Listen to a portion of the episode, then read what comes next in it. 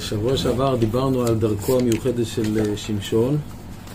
היום דרכו המיוחדת והקשיים המיוחדים שעמדו בפניו. היום אני רוצה להצביע על פרט אחד ב...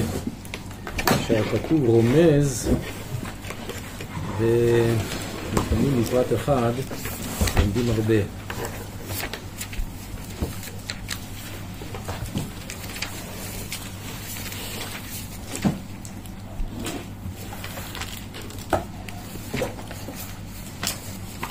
בתחילת דרכו של שמשון, שופטים פרק י"ד נאמר וירד שמשון ואביו ואמו תמנעתה ויבואו עד קרני תמנעתה והנה כפיר האריות שואג לקראתו ותצלח עליו רוח השם וישסעהו כשסע הגדי ומאומה אין בידו ולא יגיד לאביו ולאמו את אשר עשה כלומר שמשון בתחילת דרכו פוגש אריה משסע אותו, וזה הסיפור.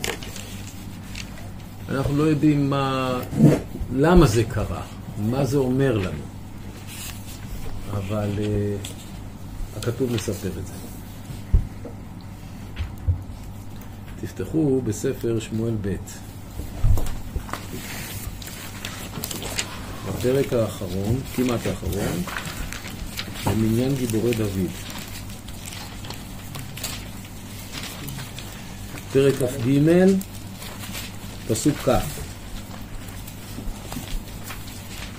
אחד מהגיבורים של דוד, שלאחר מכן היה שר צבאו של שלמה, ושמו בניהו בן יהוידע. פסוק כ', ובניהו בן יהוידע, בן איש חיל, רב פעלים מקבצה. הוא, הוא היכה את שני אריאל מואב, והוא ירד והיכה את הארי בתוך הבור ביום השלג. הוא היכה את איש מצרי אשר מראה, איש מראה, וביד המצרי חנית, וירד אליו, ושבת ויגזול את החנית מיד המצרי, וירגהו בחניתו. אז אנחנו רואים שבניהו בן יהוידע, גם הוא בתחילת דרכו, בתחילת דרכו, כשהוא היה גיבור אצל אה, דוד, סוף דרכו כשהיה שר מלחמתו של שלמה. אנחנו רואים שהוא מכה את הארי בתוך בור השלג. מה הוא עושה שם? כנראה ש... או שהוא נפל לתוך הבור, ואז כשהוא נפל אז הוא פוגש שם גם אריה שנפל לתוך הבור, גם השלג לפעמים לא רואים מה, מה את, השלג מכסה, לא רואים את הבורות. ופתאום הוא נופל, אופס, אריה מולו. אריה אומר, או, ארוחת בוקר מולי. ובניה אומר לו, טעית חבר. ארוחת בוקר כבר לא תהיה לך יותר, והוא היכה את הארי בתוך הבור ביום השלג. זה הפשט. חז"ל בדרש אומרים ש... מה זה הוא היכה את הארי בתוך הבור ביום השלג?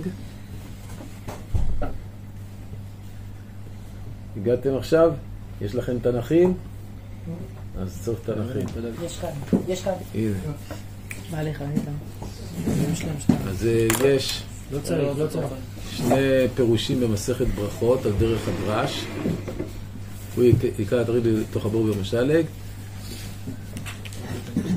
פירוש אחד, הוא הלך לטבול ביום של שלג, והיה קרח, אז הוא שבר את הקרח וטבל בתוך הבור עם המי קרח. זה פירוש אחד. אז יוצא שהוא היכה את האריז, את, ה... את היצר, את היצר הרע, את הקושי. זה לא קל לטבול בתוך מי קרח. ופירוש שני, הוא שנה את כל ספרה דביריו, שזה אה, מדרש ההלכות על ספר ויקרא, ביום אחד של סתיו, ביום שלג. מאוד קשה, כי זה מדרש ההלכות הכי קשה על ספר ויקרא. אז שלושה פירושים יש לנו כאן. פירוש אחד כפשוטו.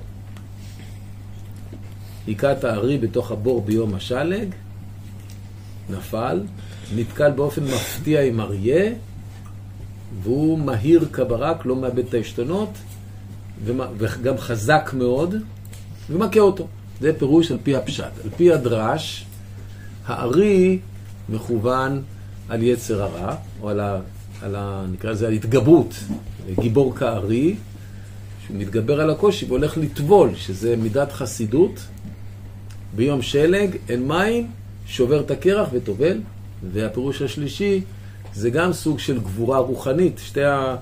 זה הגבורה הכי רוחנית, היכולת ללמוד ברצף את המדרש הלכות הכי קשה. ולסיים, להתחיל ולסיים. זה עוד סוג של גבורה. יש, אתם מכירים בוודאי שיש אה, הרבה פעמים המון חשק להתחיל איזה מבצע חדש. מתחילים מסכת, אבל לסיים אותה יותר קשה. זה עוד סוג של גבורה. גבורת הסיום. אלה שלושת, המדרש, אלה שלושת הפירושים על בניהו בן יהוידע. לפני שנמשיך ונבין את זה יותר לעומק, אז אני רוצה לציין שיש עוד אחד שפגש אריה בתחילת דרכו. ומי הוא? דוד. דוד, נכון. זה נמצא בספר שמואל א',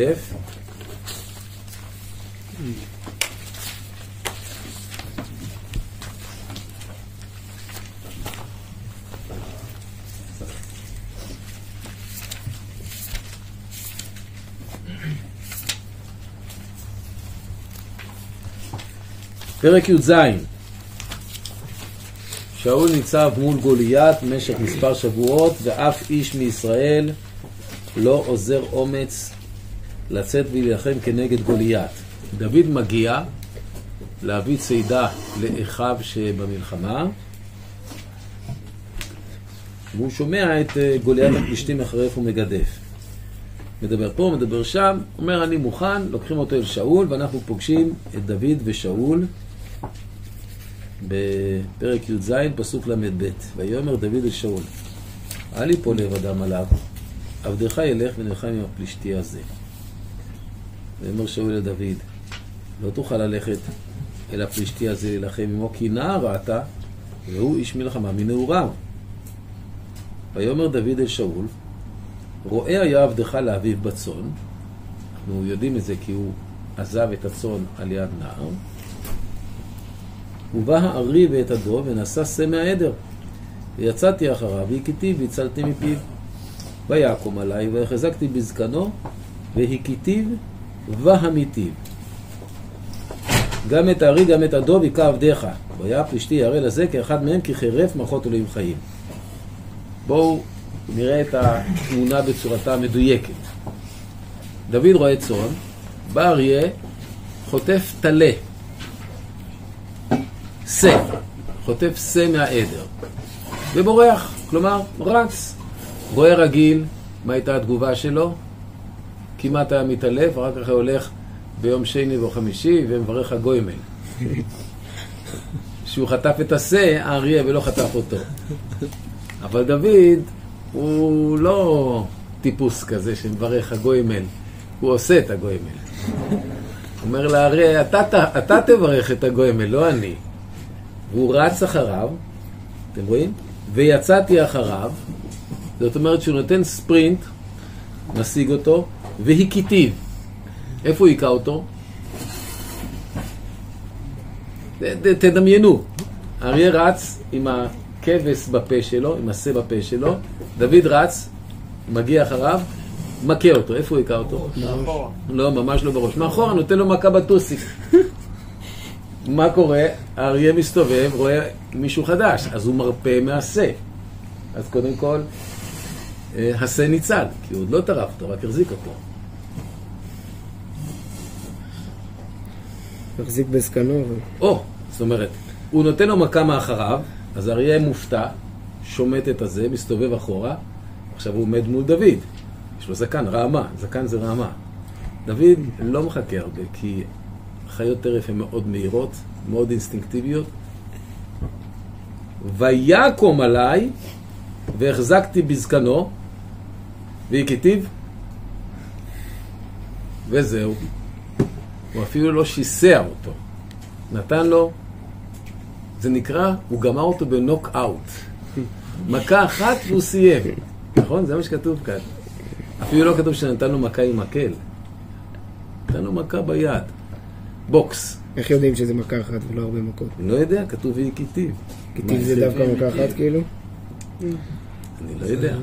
בסיבוב אחד. מה, מה אתה רוצה שיעשה? ניתן לו עוד מכה, ואם מכה אחת לא עוזרת, למה שהשנייה כן תעזור? לא, היה קרב אולי. היה קרב. זה לא כדאי. כי אריה הוא חזק. אויב מהיר וחזק, אתה צריך לגמור אותו מהר. דוד היה איש חזק. חז"ל אומרים במדרש, נוח לו לאדם לכופף קורה של שקמה מלכופף את זרועו של דוד. אתם יודעים מה זה קורה של שקמה? זה העצים ברחוב יפ- יפת שם, מול ה... יאנוש קורצ'אק. זה הקורות של השקמה, העצים הגדולים האלה. אלה שקמים. השקמים האלה, כל קורה זה... חוץ מהארזים זה העצים הכי חזקים, ששימשו לבניין ולקירוי, השקמים בשפלה. אז דוד לא היה נער מהסוג שלכם. היד של דוד זה היה כמו שתי רגליים שלכם. אבל הוא לא היה ענק. היה סוג כזה של נמוך, מהיר, זריז וחזק. אז זהו. תיארנו פחות או יותר את הסיטואציות. המכנה המשותף לשלושתם שהם גם שמשון, גם בניהו בן יהודה וגם דוד, שהם גם חזקים, גם מהירים וגם אמיצים בצורה בלתי רגילה, הם בכלל לא, לא נבהלים מאריות או פריצי חיות אחרים. גם הדוב אותו דבר. זה לא נורמלי. אבל מה? זה לא נורמלי שאדם לא מפחד מהרי. זה תלוי מי הבן אדם. יש אנשים אמיצים, יש אנשים מפחדים. הרב, למה לא הזכרת את הדוגמה של דניאל שהיא הכי מתבקשת? כי כי הוא לא נלחם נגד האריות. דניאל לא נלחם. דניאל היה איתם בשלום. הוא ירד למטה, ואלוקים סגר את פי האריות, וזהו. פשוט ישבו לידו, רבצו, נתנו לו ללטף אותם, וזהו. הוא המשיך להתפלל כנראה. זה סוג אחר, זה לא התמודדות. מה שרציתי להראות כאן, וזה הדבר המסקרן, אנחנו רואים שלושה מגדולי עמנו, בתחילת דרכם נפגשים עם כפיר אריות, עם, עם אריות, ומכניעים אותם. מה זה אומר לנו? מה בעצם אני מנסה להראות לכם? כשאנחנו קוראים סיפור, שהוא לכאורה סיפור סתמי, הוא משרת את המשך העלילה. כן, פעם שעברה דיברנו על שמשון ועל כל המהלך של אה, החיים שלו והשפיטה שלו ועל האסטרטגיה שלו, זה דיברנו פעם שעברה. היום אני רציתי רק לשים זכוכית מגדלת על האירוע שפותח את החיים שלו. לכאורה זה אירוע שהוא רק סיפור הרקע, איך הוא הגיע לחידה שלו, אה, של... אה, אה, מאז יצא מתוק, ומהאוכל יצא מאכל. מהאוכל יצא מאכל, מאז יצא מתוק. זה רק סיפור רקע. אבל בכל אופן, כשאני מסתכל על סיפור רקע, ואני נזכר בעצם, תחילת שמואל א', סיפור רקע דומה לדוד, סוף שמואל ב', סיפור רקע של בניהו בן יהודה. מה זה אומר לי? זה אומר לי, זה כאילו התנ"ך מצביע בפניי ואומר, שים לב, סימן קריאה, סימן קריאה, סימן קריאה, תשווה. עכשיו אני מנסה להשוות. כן. זה היה גם ההתחלה של אה, של בניהו? איזה? בתור... אה, גדול. מסתבר, כי כשמספרים, היה, אמרתי זה התחלה, כי זה מספרים בהיותו גיבור של דוד. המשך דרכו של בניהו, שהוא הופך להיות שר הצבא של שלמה. זאת אומרת, זה גם כן סוג של פתיחת דרכו. אם רוצים לגדול, להרוג אריה. אני לא יודע אם רוצים לגדול צריך להרוג אריה, אבל אני רואה כאן שלושה מגדולי האומה, ש... מכבירי הכוח של האומה. שמשון אנחנו מכירים אותו. אה, איש עם כוחות אה, פיזיים בלתי מוגבלים.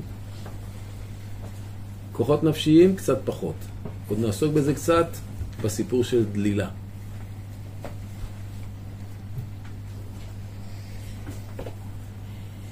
מי הוא בניהו בן יהוידע? כשאנחנו מסתכלים בחז"ל, בתיאור שלהם על בניהו בן יהודה, הם אומרים שהביטוי, הוא יקרא את שני, הרי יש שם שני סיפורים, אחד יקרא את שני ערי מואב, ואחד את הערי בתוך הבור ביום. אז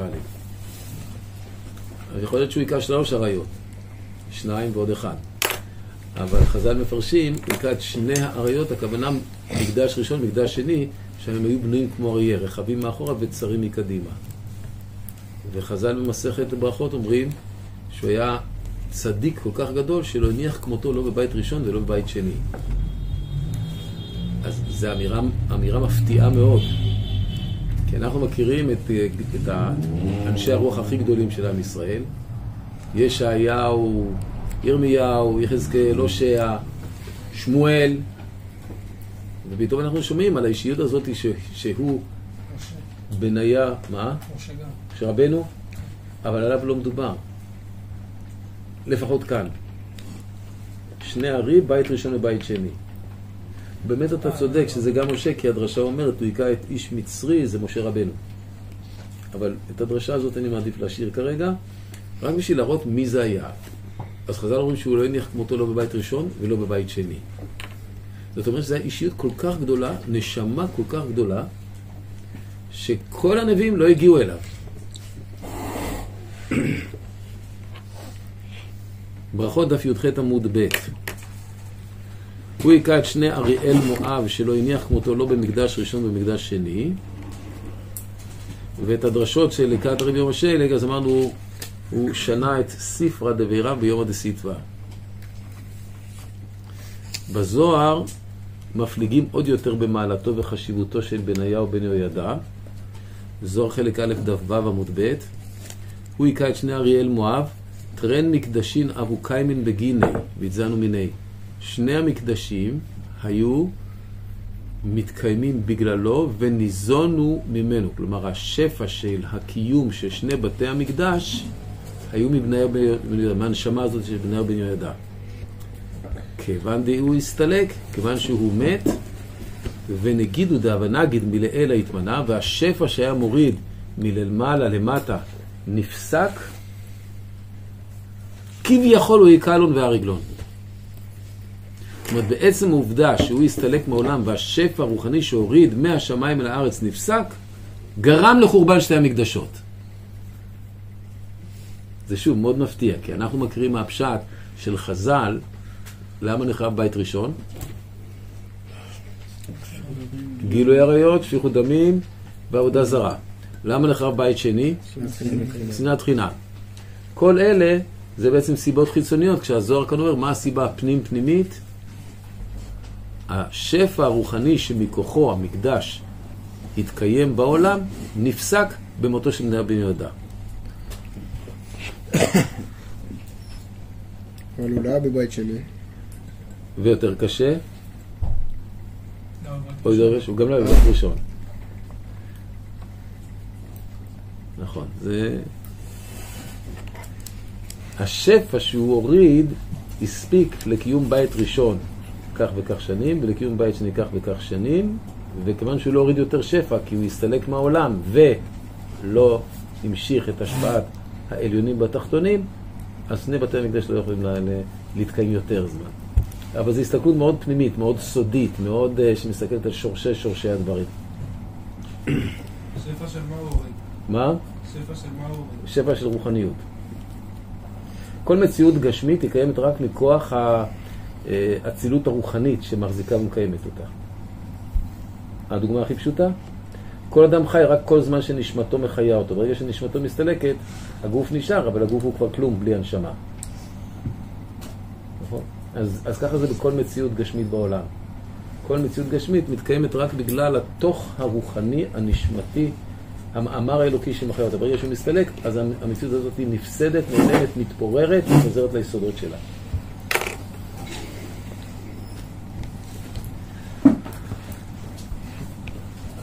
זה קצת קשה מה שאנחנו לומדים היום, ובכל אופן, לא נורא.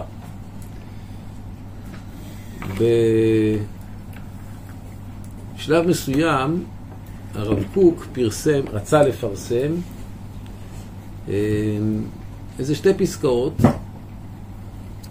והרב סודה אמר לו, אל תפרסם, זה יעשה הרבה בעיות. אנשים לא יוכלו להבין את זה. והרב אמר לו, לא, בכל זאת תפרסם, כי זאת האמת, וצריך להגיד את האמת. ואכן הוא פרסם, ואכן זה עשה לו צרות צרורות, כי תקפו אותו בצורה מאוד קשה. אני עכשיו אקרא לכם אחת הפסקאות, ואתם תבינו למה כל כך הרבה תלמידי חכמים התרכזו עליו. ואחר כך נראה תשובה שלו לאחד מתלמידי חכמים שהיה חסיד שלו, וגם כן לא הבין מה הוא כותב. אנחנו נמצאים באורות עמוד פ', פסקה שנכנסה לתוך ספר אורות, אבל לפני כן התפרסמה באגד שנקרא בשם אורות מאופל, והיא עוסקת בהתעמלות. ההתעמלות שצעירי ישראל עוסקים בה בארץ ישראל לחזק את גופם בשביל להיות בנים אמיצי לב, אמיצי כוח לאומה, היא משכללת את הכוח הרוחני של הצדיקים העליונים, העוסקים בייחודים של שמות הקדושים להרבות הבלטת האור האלוקי בעולם. על מי הוא מדבר? על מכבי? לא מכבי, אני לא מדבר על מכבי שלא מדבר על מי הוא דיבר. היה מכבי, תנועת ספורט, בזמנו של הרב קוק. הפועל, שהם עסקו בספורט.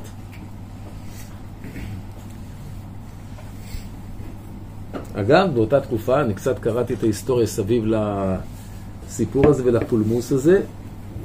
באותה תקופה, שזו התקופה שלפני קום המדינה כמובן, התחרויות ספורט והמחנות ספורט של הפועל ושל המכבי, הם אה, שימשו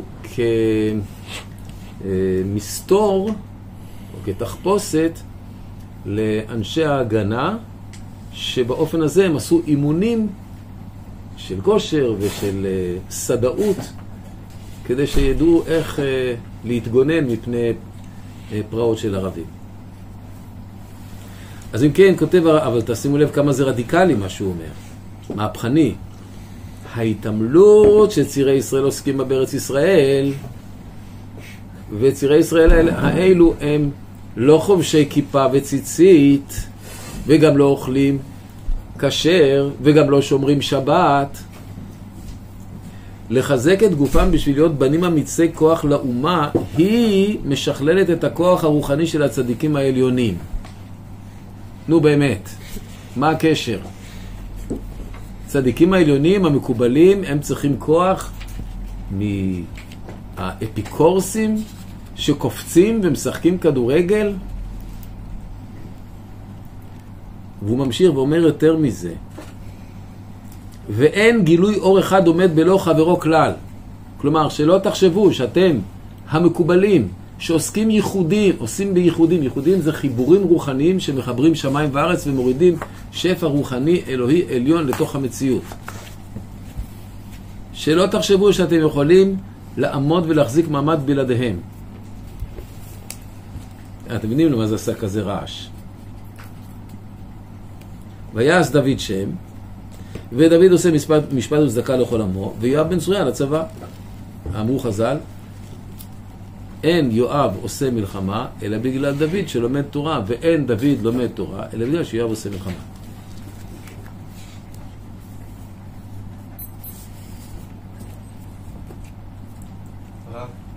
רק רגע, ולא נענש אבנר מפני שעשה דמם של נערים שחוק, אבל שיצחקו הנערים לחזק כוחם ורוחם בשביל גבורת האומה בכללה, עבודת הקודש הזאת מעלה את השכינה מעלה-מעלה. כעלייתה על ידי שירות ותשבחות שאמר דוד מלך ישראל בספר תהילים.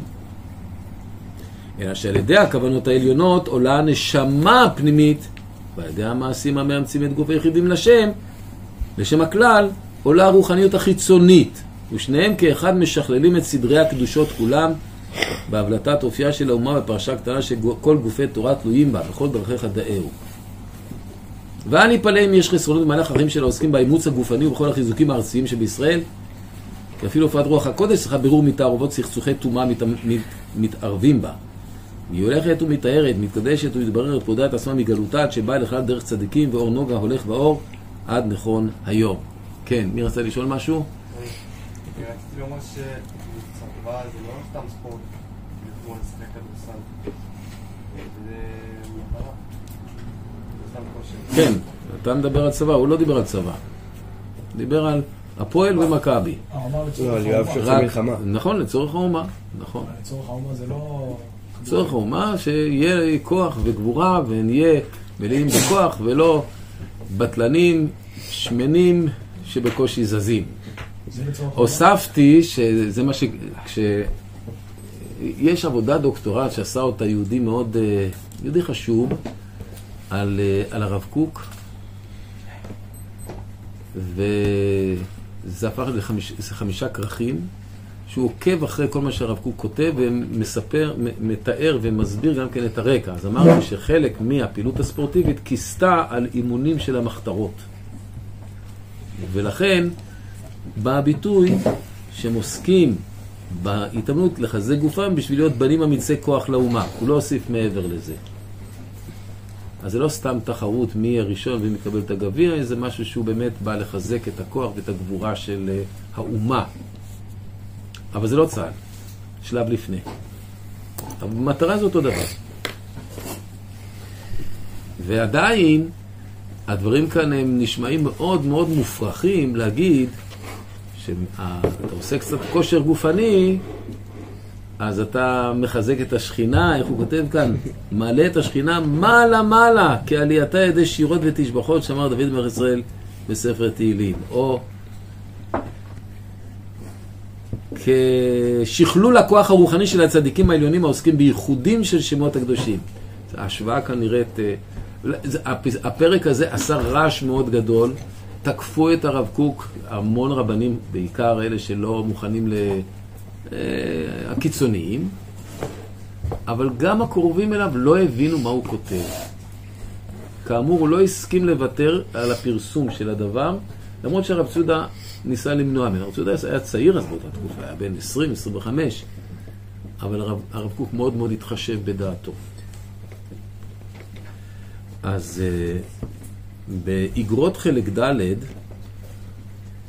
יש אה, איגרת קצרה שהרב קוק כותב כתשובה לרב של טבריה, שהיה מהמכבדים והמעריצים שלו, ושאל אותו, מה רבנו כתב על ההתאמנות? זה נשמע לא מובן, לא ברור, מאיפה זה בא הדבר הזה?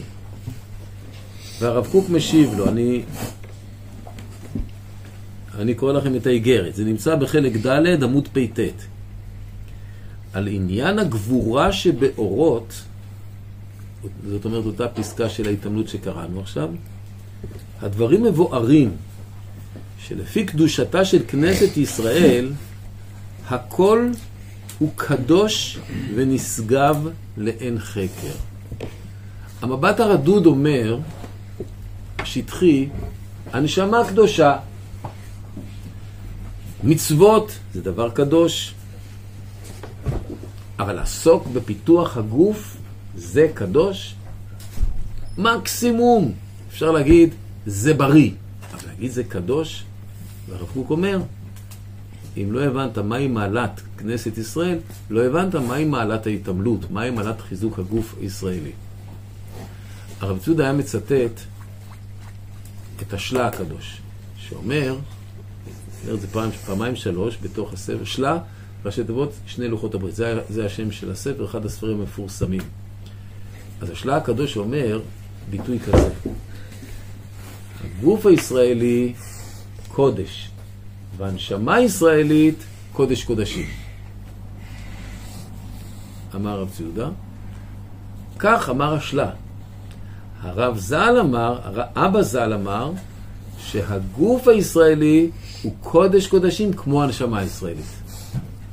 זה שוב אמירה מופלגת, כי כשכל אחד מאיתנו חושב על הגוף שלו, אנחנו יודעים איזה מצוות עשינו, איזה עבירות עשינו, זה לא נראה לנו שהגוף שלנו כל כך קדוש. אבל זה מה שהרב קוק אומר. הדברים מבוארים שלפי קדושתה של כנסת ישראל, כנסת ישראל היא מציאות כל כך קדושה עד שכל פירור ששייך אליה קדוש בקדושת העומק שלה, שהיא קודש הקודשים. הכל הוא קדוש ונשגב לאין חקר. ושמשון שנשתבח בגבורת גופו הוא קדוש השם, ודן את ישראל לאבים שבשמיים, ונקרא על שם הקדוש ברוך הוא. הגמרא אומרת, מסכת סוטה שם שמשון נקרא על שם הקדוש ברוך הוא, שנאמר כי שמש הוא מגן השם. שמש הוא מגן השם, אז שמשון שמש קטנה. היינו, הקדוש ברוך הוא בהופעה קטנה. ומתוך הצורך הגדול של התגברות הקדושה בעולם באחרית הימים על ידי כנסת ישראל, מוכרחת גם הגבורה הגופנית להתעורר ברוב כוח.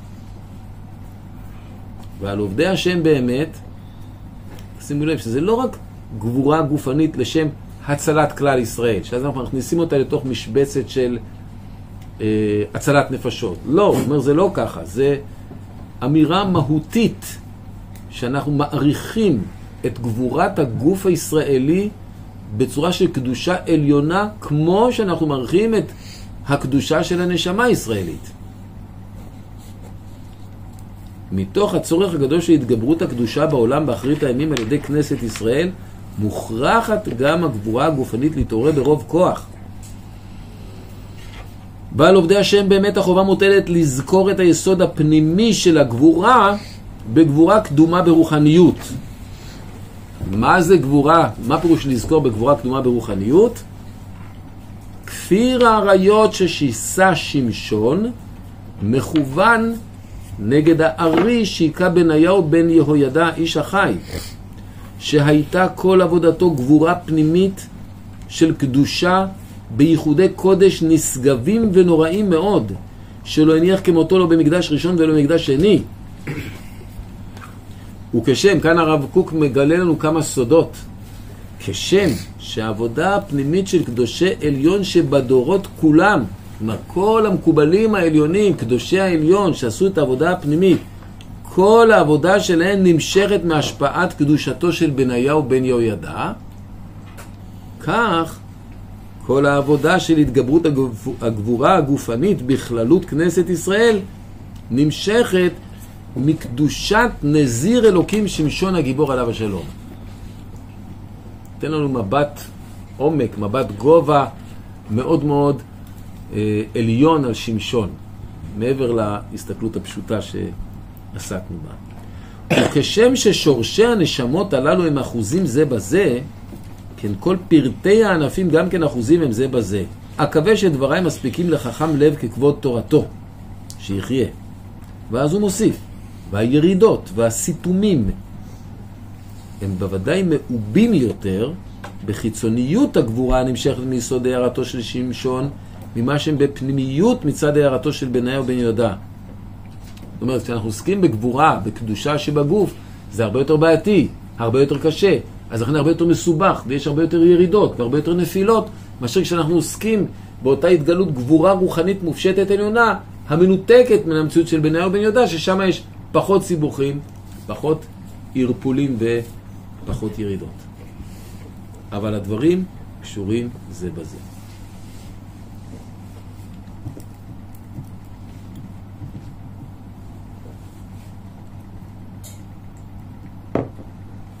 אז אה, מה הדבר היחידי שלא הוסבר כאן בתוך הפסקה?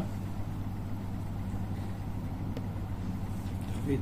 דוד והאריה של דוד. ומהו דוד?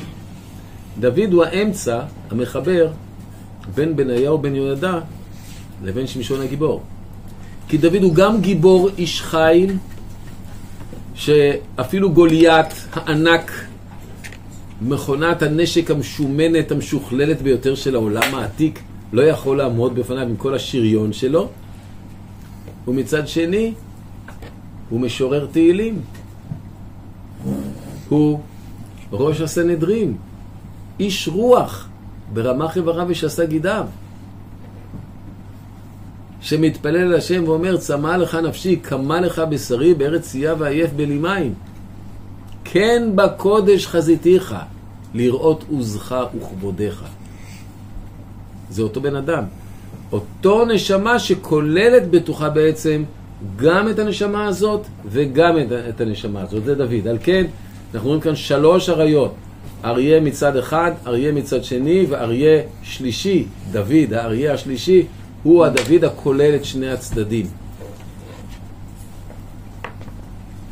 טוב, אז אנחנו קצת אה, אה, התבוננו כאן, אה, הרב קוק פתח לנו צוהר לעומק נשמתו של שמשון, שבעצם קדושתו, קדושת נזירותו, הייתה שורש לכל קדושת הגבורה של כנסת ישראל בכל הדורות, והוא אה, מחובר בתוך תוכו עם קדושת נשמתו של בניהו בן יהודה, איש החיים. עכשיו, אנחנו קצת יורדים, ואני רוצה להתבונן יחד איתכם בסופו של, של שמשון.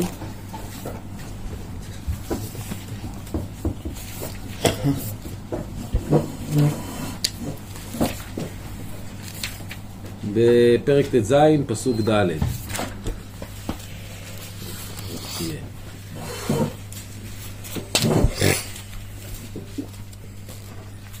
כמה הערות קצרות. כפי שאמרנו בפעם שעברה, לעומת ההתבוננות על כוחו וגבורתו וכל מקום שהוא הלך הוא תמיד הצליח וניצח, החיים של, של שמשון היו חיים קשים, היו חיים של בדידות, בדידות בלי חברים, בדידות בלי משפחה, בדידות בלי אישה. ובדידות זה דבר מאוד מאוד קשה. וכאן, בפסוק ד', פרק ט"ז פסוק ד', אנחנו מוצאים שהוא מנסה לצאת מהבדידות שלו, ויהי אחרי כן ויאהב אישה בנחל סורק ושמה דלילה. השם מצלצל לא טוב. מה המשמעות של השם? דלילה, לשון דל, דל לשון דלילות, לשון דלדול. ואכן זה מה שהיא עשתה לשמשון. כתוב שהוא אהב אותה. לא כתוב שהיא אהבה אותו. ויעלו אליה עשר פלישתים ואמרו לה, פתי אותו רי במה כוחו גדול ובמה נוכל לו ואסרנו לענותו ואנחנו ניתן לך איש אלף ומאה כסף. טוב, הם מנסים uh, לקנות אותה בכסף מול האיש שלה.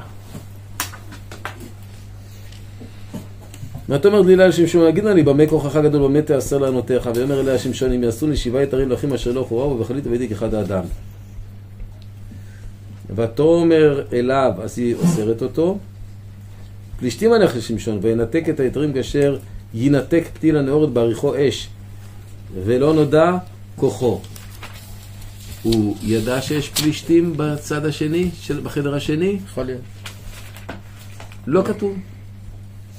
היא רק אמרה פלישתים עליך, וזה כבר uh, גרם לו שהוא מתעורר, והחבלים הכי חזקים הופכים להיות כמו uh, חוט תפירה בעלמא.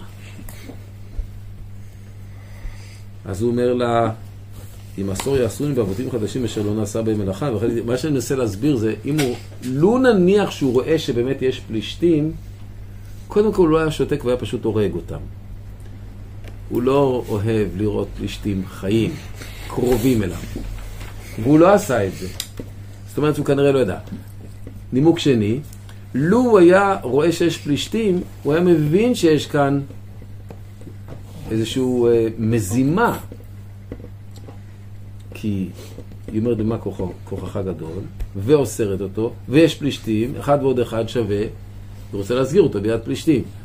אבל אם אין פלישתים, אז זה נשאר בגדר של אישה מאהבת, שכל כך מסוקרנת לדעת במה הכוח שלו גדול, שהיא כל פעם מנסה, אבל אין פלישתים, מתברר שהכל טעות. אז הוא לא חושד בה שהיא באמת עושה את זה בשביל לתת אותו בידי פלישתים. אחרת זה לגמרי לגמרי בלתי מובן.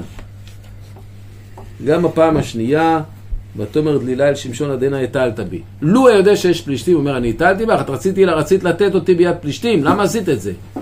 הוא היה עוזב אותה בכעס רב. אבל הוא לא ידע שיש פלישתים בחדר הסמוך, וברגע שהוא ניתק את, ה... את החבלים, אז הוא אומר, אה, סתם עבדת עליי בעיניים. כאילו, מה זה ממשיך? כאילו בין איש לאהובתו, שהיא מציקה לו. השלב הבא זה אם תרגיש שבע מחלפות ראשי המסכת, וזה גם לא עוזר. ותאמר אליו איך תאמר אהבתיך ולבך אין איתי, זה שלוש פעמים הטלת בי, ותאלצהו ותקצר נפשו למות, ואז בסוף הוא מגלה לה, והיא הבינה שהפעם הוא גילה לה את ליבו כי הוא הזכיר שם השם, זה ותקצר נפשו. מה? הוא לא היה יכול לשאת את האופן שבו היא הציקה לו. אין רש"י וחז"ל. הוא הוא לא חשד בה שמשון, ש... לא, הוא לא חשד בה, אחרת אם היה חושד בה לא היה עושה את זה. אבל זה כזה ברור. כן, אבל יש לפעמים שאישה, היא מציקה לאיש בדברים, בעניינים שבינו לבינה, לא... בלי שיש לזה קשר לדברים החיצוניים. מכיוון שבאף אחד מהניסיונות הוא לא ידע שהפלישתים נמצאים בחדר הסמוך, אז מבחינתו זה נשאר סוג של הצקה של אישה אהובה, מעצבנת, מצד אחד, אהובה מצד שני, שהיא רוצה לדעת, היא מסוקרנת לדעת. ובסוף הוא מצליחה להציק לו כל כך ולנדנד לו כל כך באמצעים הנשיים שלה, עיין רש"י וחז"ל, שהסבירו את זה בצורה יותר מפורטת, עד שבסוף הוא אה, מגלה לה את ליבו. ואנחנו רואים שכוח אה, פיזי לא תמיד אה, הוא ערובה לכוח נפשי בעמידה בפני מציקים או מציקות. והפעם היא מבינה שזה אכן כך, ותישנהו על ברכיה, ותקרא לאיש, ותגלח שבע מחלפות ראשות. היא מגלחת, כדי להיות בטוחה שזה אכן כך. ותאמר פלישתים עליך שמשון, ויקץ משנתו ומרצה כפם בפם, וינער, והוא ידע כי השם שם עליו. השם שם עליו, והפלישתים אוחזים אותו, מנקרים את עיניו, והוא מפסיד. כמה זמן הוא היה עם דלילה? בסיפור זה קצר למדי. שלושה ימים ארבעים, אולי זה היה שנה, שנתיים, אולי שלוש, ארבע, חמש שנים. לא נדע. באמת זה די סקרן אותי, ויש ספר שנקרא ספר אלדד הדני. זה חלק מהספרים החיצוניים. ועכשיו אני קורא לכם מתוך ספר אלדד הדני. נודיע לאדוננו כי מתארח בינינו אדם אחד ושמו אלדד הדני משבט דן. וסיפר לנו כי ארבעה שבטים הם במקום אחד, דן ונפתלי, גד ואשר, ושם המקום חבילה. חבילה זה אפריקה באזור אתיופיה, חבש. אה, שם המקום חבילה קדומה אשר שם הזהב, ויש להם שופט עבדון שמו, ודנים בארבע מיטות בית דין. יושבים באוהלים, נוסעים, חונים, נלחמים עם מלכי כוש, האזור מתאים, זאת אומרת, זה אומה, ארבע שבטים שהם שומרים על החיים שלהם ונלחמים כנגד המלכים הכושים שבסביבה שלהם, ומהלך ארצם שבעה חודשים.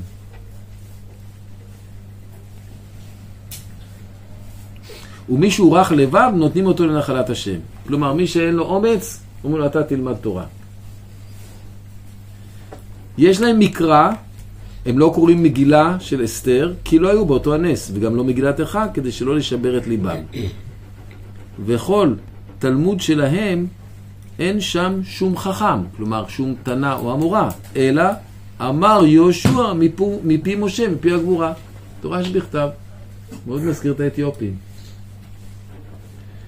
וכל איש זרוע מהם, החזקים, הם נותנים לחלק המלחמה, ואינם זזים ממלאכתן, וכשיוצאים הם יוצאים מעורבים. גיבורי דן, שלושה חודשים, הם מחלקים את הזמן של המלחמה. רודפים אחרי מלחמתם עם סוסיהם ולא יורדים מהסוסים שלהם כל השבוע. בערב שבת יורדים בכל מקום שהם, סוסיהם עומדים בכלי זינם, ואם לא יבואו עליהם עובדים, שובתים השבת, כמשפט. ואם יבואו עליהם האויבים, יוצאים בכל כלי זינם והורגים בהם רבים כגבורת השם. עכשיו בשביל הפסקה הזאת הבאתי לכם את המדרש הזה, ויש שם מגיבורי בני שמשון, מבני דלילה. והם רצים לקראתם על המלחמה, והקטן שבהם ירדוף רבים מהם. והרמת קול, כל אחד מהם בקול ענות גבורה כקול הארי. וקורא בקולו הגדול, להשם הישועה על עמך שבטי ישורון גבורתך סלע.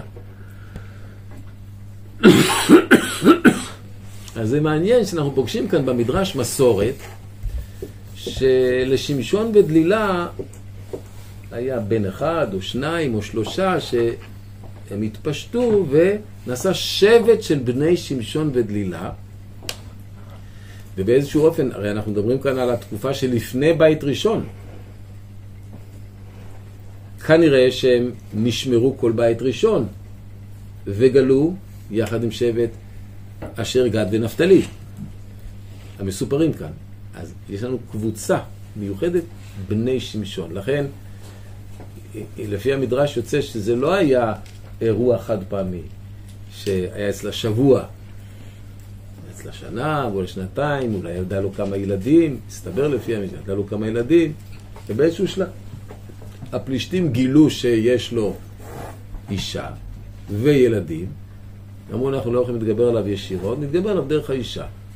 הם פחדו לפגוע באישה, כי ידעו שהוא, היה להם כבר לקח מהאישה הקודמת שלו הפלישתית, אז הם אמרו, אנחנו נפגע בו דרך האישה. אלף ומאה כסף. כנראה שכל אחד נתן אלף ומאה כסף, זה הרבה כסף. לא ידוע. אם היא הייתה פלישתית, כפי שלמדנו לפי הרמב"ם, הוא גייר אותה. אבל כתוב שהייתה בנחל סורק. הייתה יהודייה, פלישתית שהתגיירה, בין כך ובין כך אה, את היהודייה.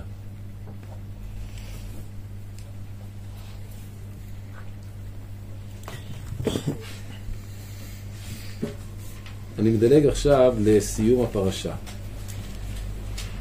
כאמור, הפלישתים נקרו את עיניו. אה, מהסוף, כן, הם, הם עושים, אה, מחליטים שהם עושים אה, מסיבה. עכשיו אנחנו בפרק ט"ז, פסוק, כ"ג. וסרני פלישתים נאספו לסבוח זבח גדול לדגון אלוהים לשמחה. ואמרו נתן אלוהינו בידינו את שמשון אויבינו. ויראו אותם ויללו את אלוהיהם, כי אמרו נתן אלוהינו בידינו את אויבינו ואת מחריב ארצנו ואשר ירבה את חללנו. ויהי כטוב ליבם ויאמרו קראו לשמשון וישחק לנו. ויקראו לשמשון מבית האסורים. ויצחק לפניהם ויעמידו אותו בין העמודים. ויאמר שמשון אל הנער מחזיק בידו הניחה אותי והמישני את העמודים אשר בית נכון עליהם וישען עליהם. הבית מלא אנשים ואנשים ושם הכל שונא פלישתים הגג כשלושת אלפים איש ואישה הרואים בש... בשחוק שמשון.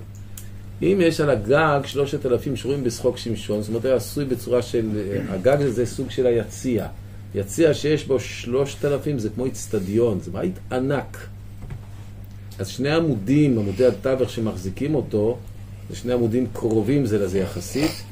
אם שמשון אה, יכול לנגוע בשניהם ביחד, זה אומר שהמרחק ביניהם הוא לא יותר משני מטר. מטר וחצי. זה משהו מאוד מאוד מסיבי. יש לנו היום אה, אה, עמודים מהסוג הזה במקדש בפטרה. יש שם שאריות של מקדש עתיק, ושם יש עמודים שרואים מה זה, באמת עמודים גדולים, אבל כאן זה עמודים עוד יותר גדולים. רק תעשו חשבון, אם רק על הגג היה שלושת אלפים שרואים מלמעלה, כמה היה מתחת הגג? יותר. זה היה משהו חזק מאוד וגדול מאוד, כי שלושת אלפים איש זה, זה אומר שאתה מחזיק אה, עשרות טונות. ויקרא שמשון אל השם ויאמר השם אלוקים זוכרני נא וחזקני נא אך הפעם הזה אלוהים וינקמה נקם אחת משתי עיניים מפלישתים. זה מחזק את uh, ההסברה, אם אתם זוכרים בתחילת הפרשה של שמשון, אז uh, התלבטנו בשאלה, ואבי ואמו לא ידעו כי מהשם היא כתואנה הוא מבקש מפלישתים. מי מבקש תואנה מפלישתים? הקדוש ברוך הוא או שמשון? האם הכל היה מתוכנן משמשון? לפי זה יוצא שכן. כי אם הוא אומר, והיא נקמה אחת משתי עיניי, זה אומר שהוא לא הלך אחרי עיניו לחטאת, ורק הקדוש ברוך הוא השתמש בזה כאופן להתענות לפלישתים, אלא זה היה התכנון שלו. ומילא יוצא שכל מה שהלך אחרי הפלישתיות, הכל היה חלק מהתכנון שלו לפגוע באויבי עם ישראל.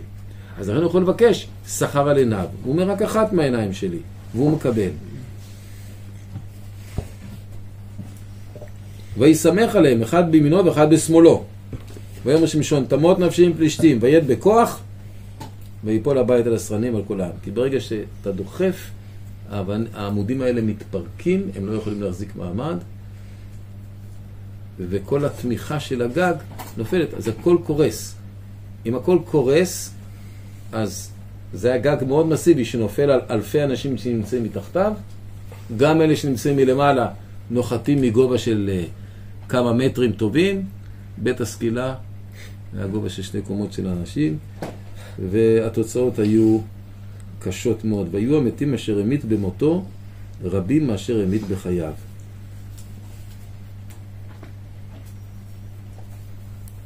למה למה הוא אומר תמות נפשי פלישתים? כי הוא גם מת. לא, מה מה יש באמירה הזאת? אני רוצה להגיד את זה. אני גומר את החיים שלי במטרה שלי. וזו הדרך היחידה שבה אני יכול להינקה מהם ולתת להם את המכה הסופית שאני מסוגל לתת. התוצאה היא באמת לא, לא מאחרת לבוא. בפסוק ל"א כתוב וירדו אחד בכל בית אביו ויישאו אותו ויעלו ויקברו אותו צפון ושלום. מאיפה הם לוקחים ונושאים אותו? ואיפה החורבות של המקדש הזה נמצ- נמצא? נמצאים?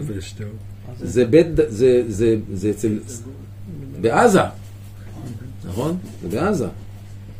היא העיר המרכזית.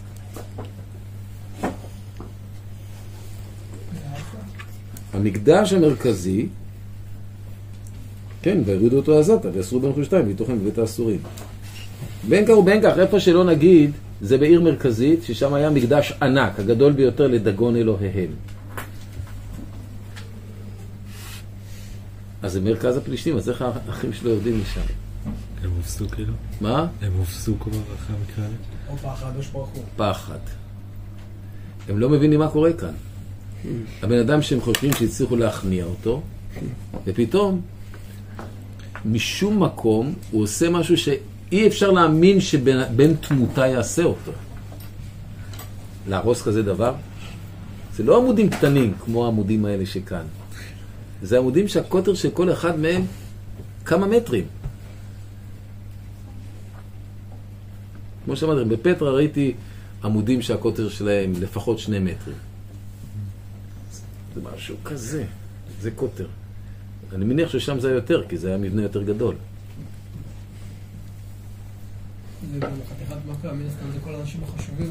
נכון, כולם.